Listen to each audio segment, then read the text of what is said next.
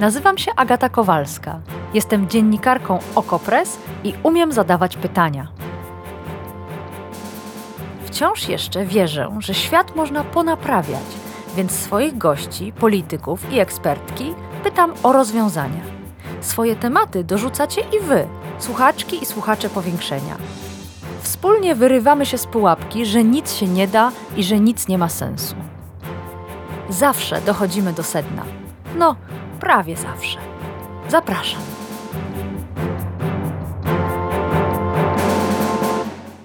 Pewnie wszyscyście zauważyli, że ceny pieczywa w Polsce rosną w zastraszającym tempie, a jednocześnie ceny zboża, z którego to pieczywo jest zrobione, spadają, więc mamy protesty. Wcale nie protestują konsumenci pieczywa, czyli wy, ja, my, tylko rolnicy, bo zboże jest zbyt tanie i boją się, że nie zarobią. Rząd zgadza się z rolnikami, że zboże jest zbyt tanie i że jest go w Polsce za dużo i że trzeba coś z tym zrobić. Kłopot w tym, że mamy kwiecień, kwiecień 23 roku, a o tym, że zboża w Polsce będzie dużo więcej, wiemy od 22 lipca 2022 roku. Tak, mogę Wam podać dokładną datę, dlatego że to jest dzień, w którym Rosja dogadała się z Ukrainą w sprawie otwarcia portów czarnomorskich i ukraińskie zboże mogło ruszyć w świat, głównie do Afryki. Ale do nas, do Polski, ono też trafiło. Oczywiście nie portami czarnomorskimi, tylko pociągami przez naszą wspólną z Ukrainą granicę. W związku z tym polski rząd obiecywał naszym rolnikom, że oni na tym nie stracą. Oczywiście stracili. Ceny zbóż spadły, konkurencja ukraińska okazała się mocna, wzrosły za to ceny energii, paliw, nawozów i części do maszyn. I to nie z winy Ukrainy, tylko polskiego rządu, który między innymi pozwolił swoim spółkom dyktować ceny energii i paliw. Wkurzeni rolnicy zaczęli protesty, a minister rolnictwa Henryk Kowalczyk próbował ich uspokoić, co robił tak nieudolnie, że jeszcze bardziej ich rozwścieczył. Zresztą ocencie same i sami. Jakie emocje wzbudzają w Was takie przeprosiny? Przepraszam, że rolnicy nie zrozumieli intencji mojej wypowiedzi.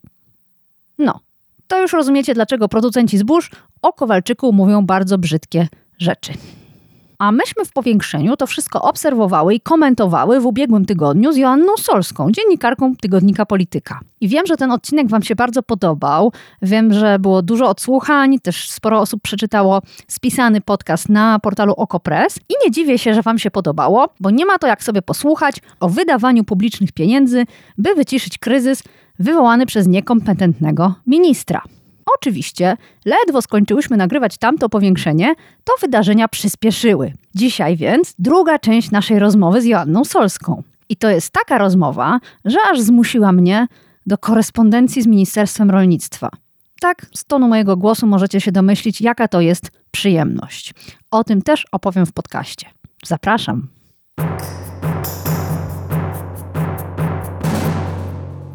A gościem powiększenia jest ponownie Joanna Solska z tygodnika Polityka. Dzień dobry, pani redaktor.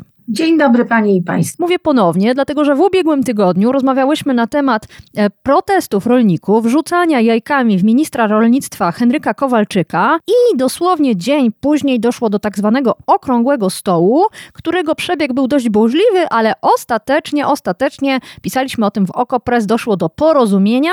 11 punktów ma to porozumienie i wydawało się, że sytuacja jest przynajmniej dla protestujących rolników klarowna.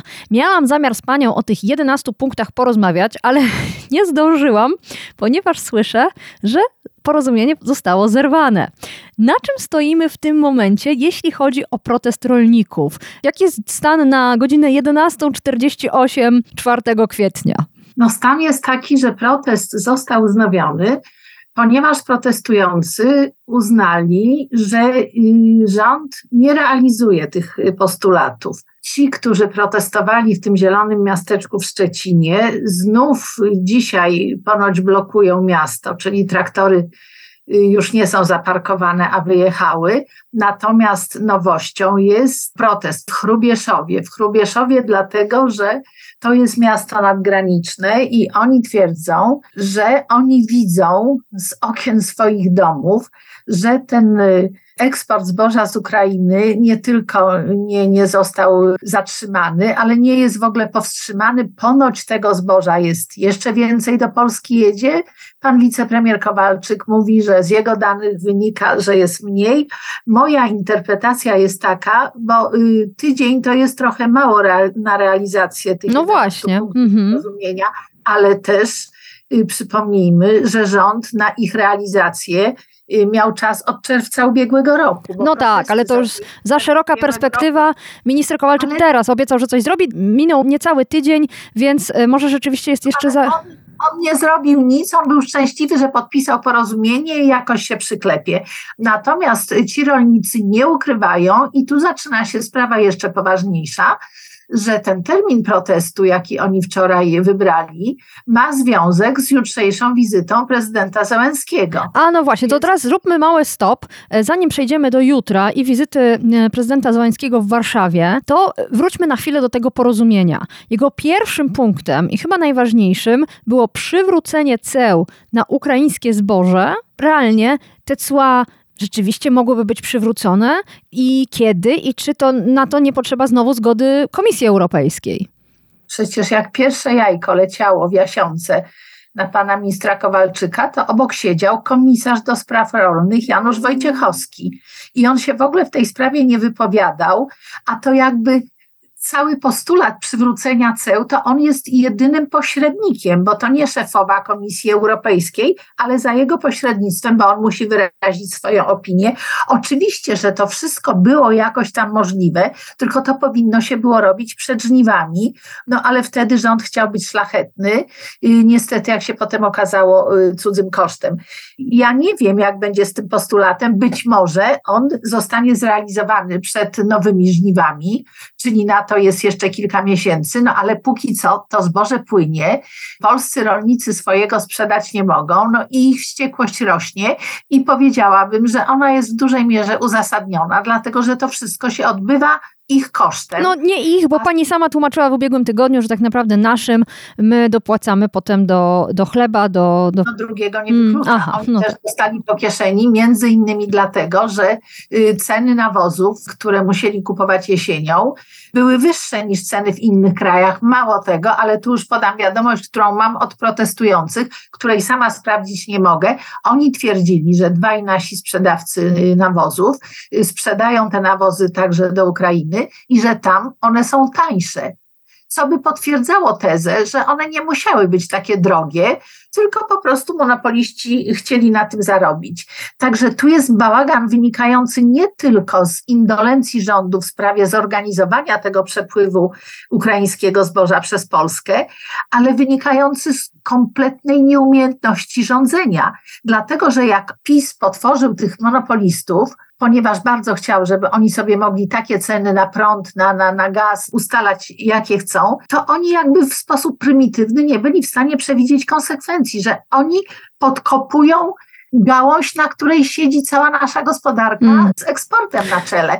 Drogie ceny energii to drogie y, nawozy, drogie nawozy to drogie pieczywo, droga, drogie warzywa, y, drogie wszystko. Mm. Oni się zaciukali i ta nasza ogromna inflacja, której maleje wprawdzie odrobinę tempo, ale ceny nie, ceny wręcz odwrotnie, to jest skutek między innymi tego, nie żadnej podinflacji, tylko naszej monopolizacji naszej gospodarki. To ciekawe, bo minister Kowalczyk też wypowiadał się na temat firm, które wykorzystują sytuację, ale zaskoczę panią, wcale nie chodziło mu o spółki energetyczne, o spółki Skarbu Państwa, o monopolistów, tylko powiedział, że istnieją firmy, które teraz krytykują sytuację, a nie kupują polskiego zboża, to one wykorzystały rolników, a pytane o to, czy mógłby upublicznić, o jakie firmy, o jakie spółki chodzi, oświadczył, wiem, kto na tym zarobił, ale nie mogę powiedzieć. O co tu chodzi w tej wypowiedzi? No to może warto pytać tych rolników protestujących, bo oni też wiedzą.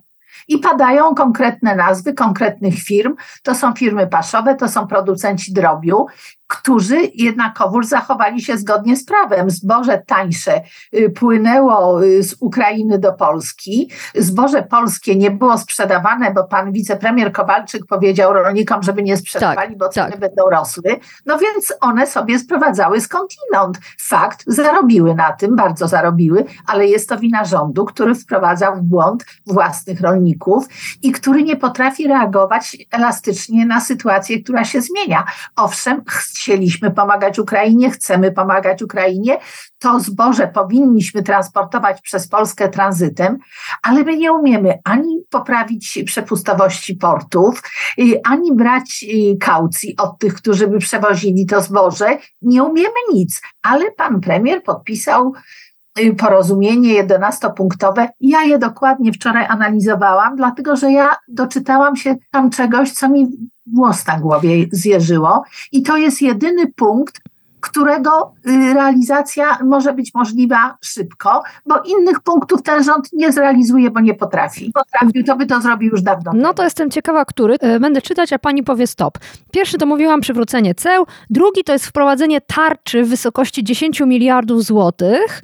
No to może rząd potrafi razem z dotacjami z No rząd potrafi, dru- znaczy drukuje pieniądze NBP, ale rząd potrafi je dzielić i ja myślę, że rolnikom już tylko o to chodzi, żeby te pieniądze jednak wymusić, Y, bo na razie z tych obietnic rządu na temat rekompensat, które mają dostać rolnicy, to jest kwestia jakichś dwóch miliardów. Oni się domagają dziesięciu i ja myślę, że jeśli będą z dużą determinacją protestować, to mogą te pieniądze wydębić. Oczywiście skutek będzie jaki? No skutkiem będą wyższe ceny, wyższa inflacja, no bo jak lecą pieniądze puste na rynek, a towarów od nich nie przybywa, no to, to jest No tak. inflacja. No to trzeci, no to trzeci punkt. Pani redaktor, no, zdjęcie, zdjęcie z polskiego rynku do końca czerwca 2023 roku nadmiaru zbóż i rzepaku No. poprzez eksport i wykorzystanie na cele energetyczne. Proszę mi wytłumaczyć, przetłumaczyć z polskiego na nasze, co to znaczy wykorzystanie na cele energetyczne, bo mnie to bardzo zaintrygowało. No ja nie mam zielonego pojęcia. No to ja pani powiem, bo ja i rolników pytałam, bo to, co mi przyszło do głowy, wydawało mi się nieprawdopodobne. To znaczy, żeby to zboże spalić. Aż mi głosu zabrakło. No, też, też y, zdębiałam, jak sobie to uświadomiłam, bo ja no, jestem starsza od pani dużo. Ja pamiętam, jak w szkole u, uczyli nas takiego krwiożerczego kapitalizmu, że Brazylia topiła czy paliła kawę, y, żeby nie, nie popsuć cen na rynku. I mnie to przypomina. Tylko chciałam zauważyć, że nie dalej jak właśnie tydzień temu mieliśmy kolejne badania, że rośnie y, sfera ubóstwa w Polsce, że w Polsce między innymi z powodu wzrostu cen pieczywa, ale też z powodu szalejącej inflacji, grupy osób bardzo ubogich rosną. Ale pani redaktor, ale zatrzymajmy się, bo może to nie o to chodzi. Zaraz następny punkt mówi A o, bio, o biopaliwach. Może to chodzi o to, żeby jakieś e, produkować paliwo z... No ja No naprawdę... to zaraz pani powiem, bo mnie ten punkt też trochę rozśmieszył. To z pozoru wydaje się punkt nie najgłupszy, żeby do paliw, które my podobno sprzedajemy na Ukrainę, żeby dolewać y, więcej biopaliw, czyli tam ma być więcej tego biopaliwa z rzepaku, Tak. i więcej y, etanolu, czyli, czyli do benzyny.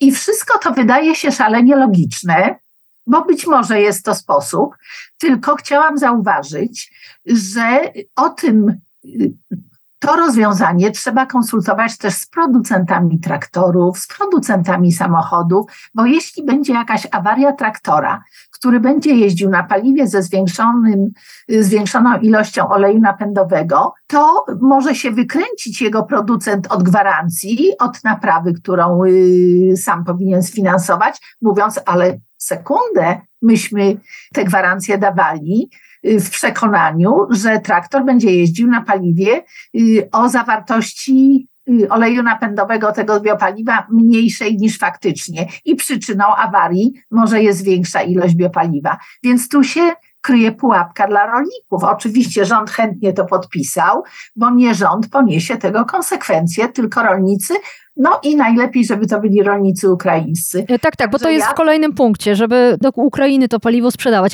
To wróćmy na chwilę do wykorzystywania zboża na cele energetyczne. Rolnicy posługują się takim pojęciem, że z Ukrainy do Polski trafia zboże przemysłowe. Ja na końca nie rozumiałam, o co tu chodzi, co to jest za inne zboże niż to polskie. Czy to oznacza, że ono może trafić po prostu, nie wiem, do pieca? Bo nawet nie wyobrażam sobie, co to za technologia, że co, palimy pszenicą? Kukurydzą? Y, Oni chcą przekonać, że to zboże jest gorszej jakości. Z kolei przedstawiciele tych działów rolnych y, w bankach, które udzielają kredytu, oni twierdzą, że to zboże nie jest y, jakości. a dlaczego miały być? Bo to czarnoziem ukraiński, słynny, dlaczego to zboże na takiej dobrej ziemi miałoby rosnąć gorsze? Wie pani, jeden argument jest prawdziwy taki, że zboże produkowane w krajach europejskich ma pewne normy, pewnych nawozów można używać, pewnych nie wolno używać. Mimo wszystko, mimo narzekania, europejska żywność jednak y, ma dość wysoką jakość. Tych ograniczeń nie ma w Ukrainie. I tutaj rolnicy mają rację, że jakość polskiego zboża i jakość zboża ukraińskiego, jeśli o to chodzi, y, może okazać się nieporównywalna. Tylko to trzeba zbadać. A y, te, te kontrole fitosanitarne, które są na granicach, podobno są w ogóle śmieszne, albo, albo też ich nie ma. Więc my nie możemy i, i rolnicy, którzy nie mają nic przeciwko temu spalaniu tego zboża, mówią, a ono jest gorszej jakości, to do pieca. Otóż ja się przeciwko temu głęboko bun- buntuję, bo zboże jest zboże. Ale też pani redaktor, zaraz, chwileczkę. Przenieśmy się do czasów przedwojennych. Część zboża, które trafiało na polski rynek, było z Ukrainy. I wtedy nikt nie mówił o tym, że chleb pieczony ze zboża z Ukrainy jest gorszej jakości. A teraz nagle my do pieca go damy? Oni podpisali chętnie, żeby to poszło do pieca, dlatego że się zdejmie kilka milionów ton zboża z rynku, opustoszeją elewatory, będzie miejsce na polskie zboże. Ale to jest zboże. Chleb w Polsce zawsze był czymś więcej niż tylko jedzeniem. Nie wolno tego robić, podczas kiedy w tejże samej Polsce, nie mówiąc o Ukrainie, ludzie głodują.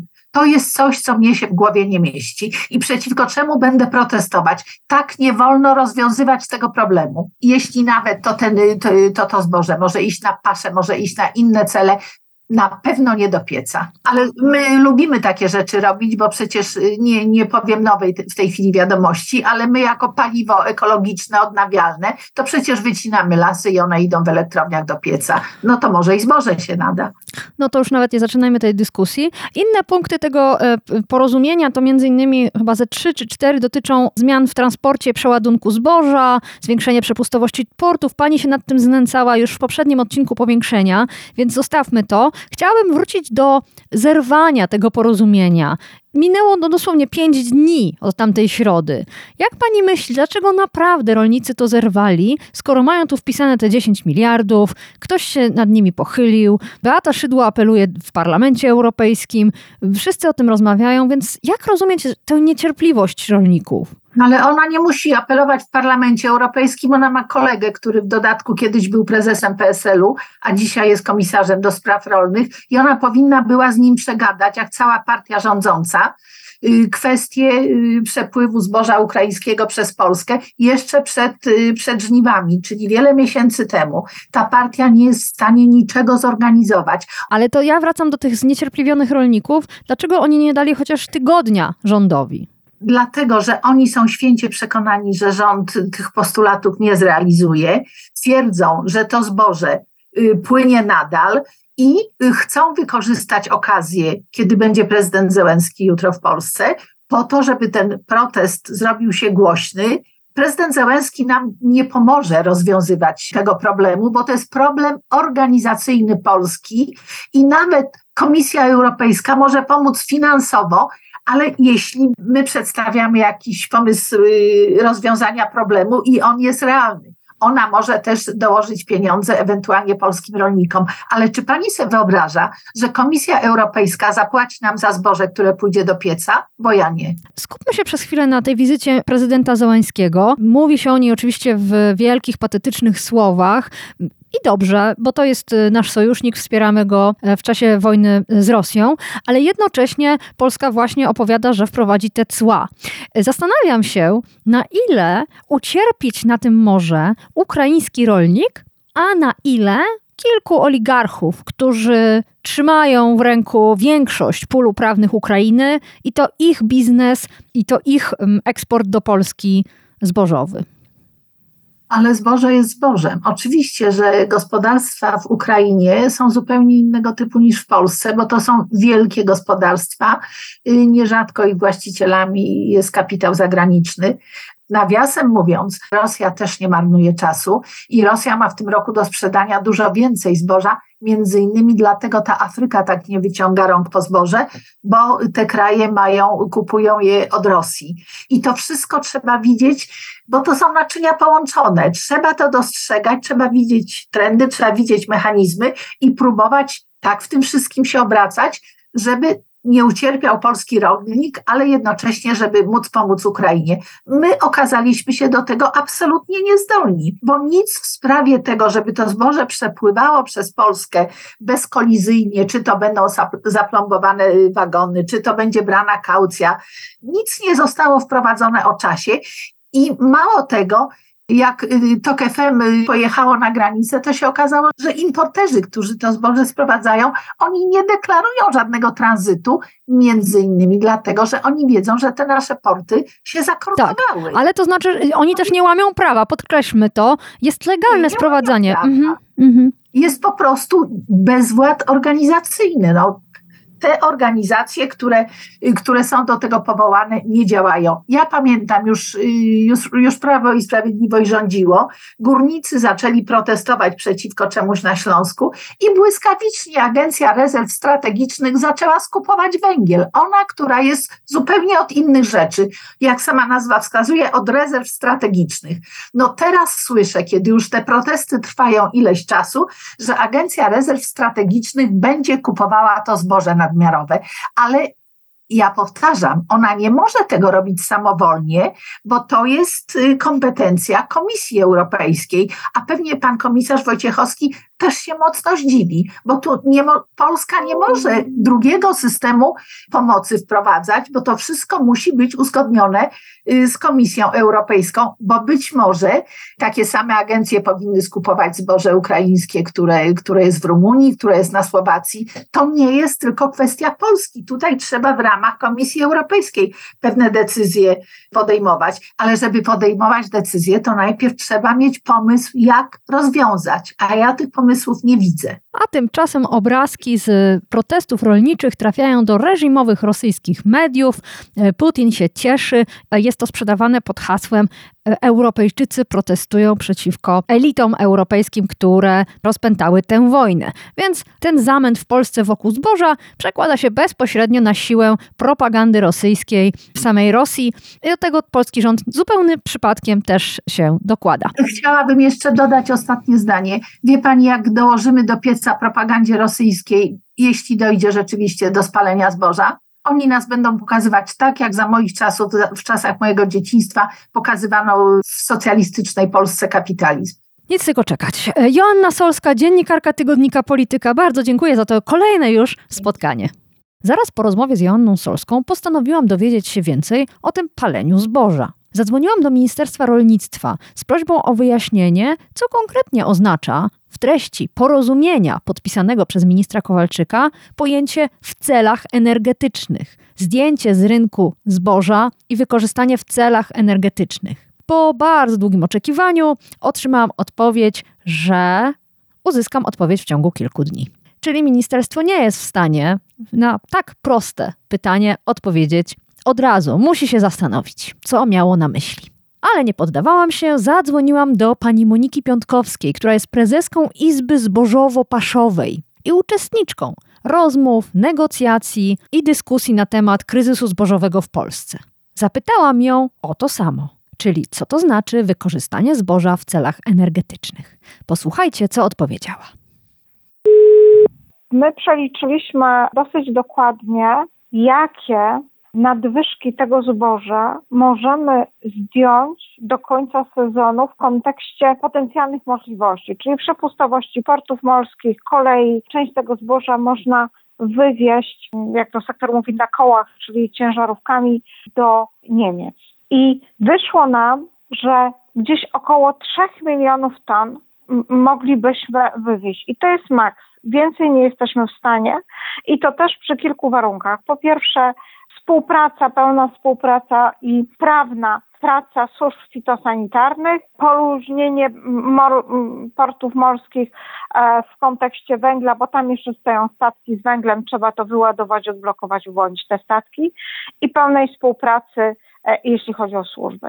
Więcej zdjąć się z rynku nie da. Jeśli chodzi o punkty związane z przeznaczeniem na biopaliwa czy spalanie do biogazowni, bo rzeczywiście pojawiły się takie propozycje.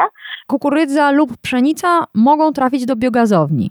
Wie pani, w normalnych warunkach bym, bym nie rekomendowała spalania zboża. Natomiast w sytuacji tak trudnej, jaka dzisiaj e, jest, i przy pełnej świadomości tego, że my po prostu nie zdejmiemy w, w, w, drodze eksportowej więcej niż 3 miliony ton, po prostu technicznie, fizycznie się tego nie da zrobić.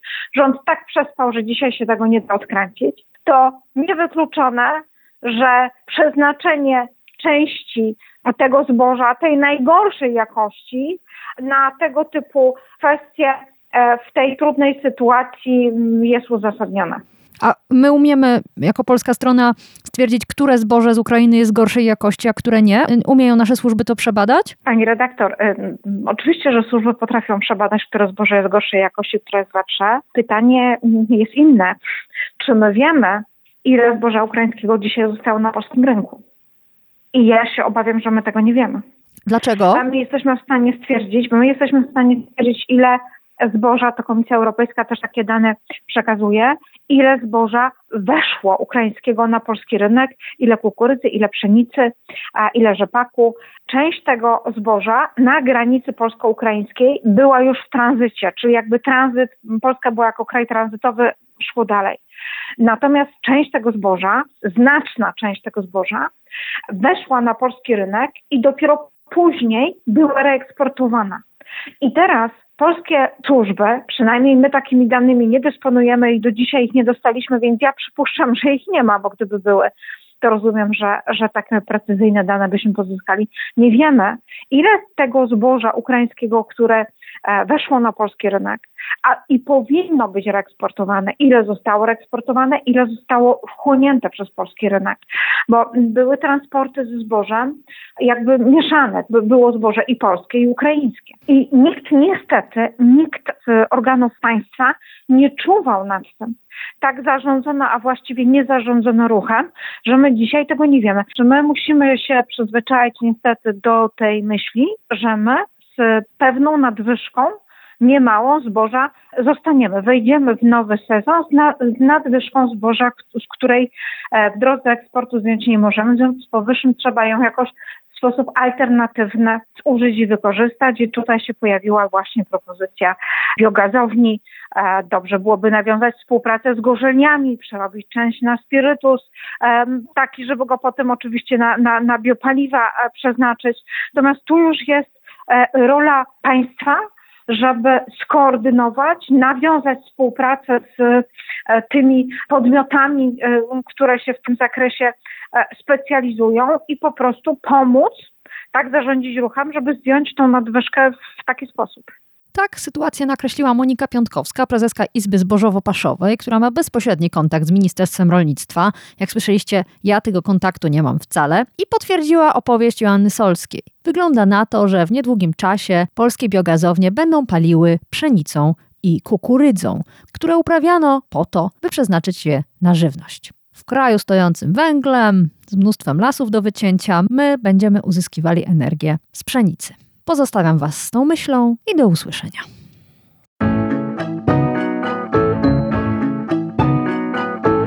To było Powiększenie, podcast Agaty Kowalskiej. Produkcja Bartosz Weber.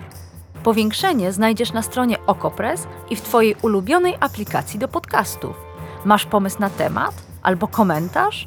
Napisz do mnie – agata.kowalska małpaoko.press. Stałych darczyńców zapraszamy na grupę OkoPress na Facebooku Twoja okolica. Tam też toczymy dyskusje o świecie i o podcaście. Dziękujemy za Wasze wsparcie.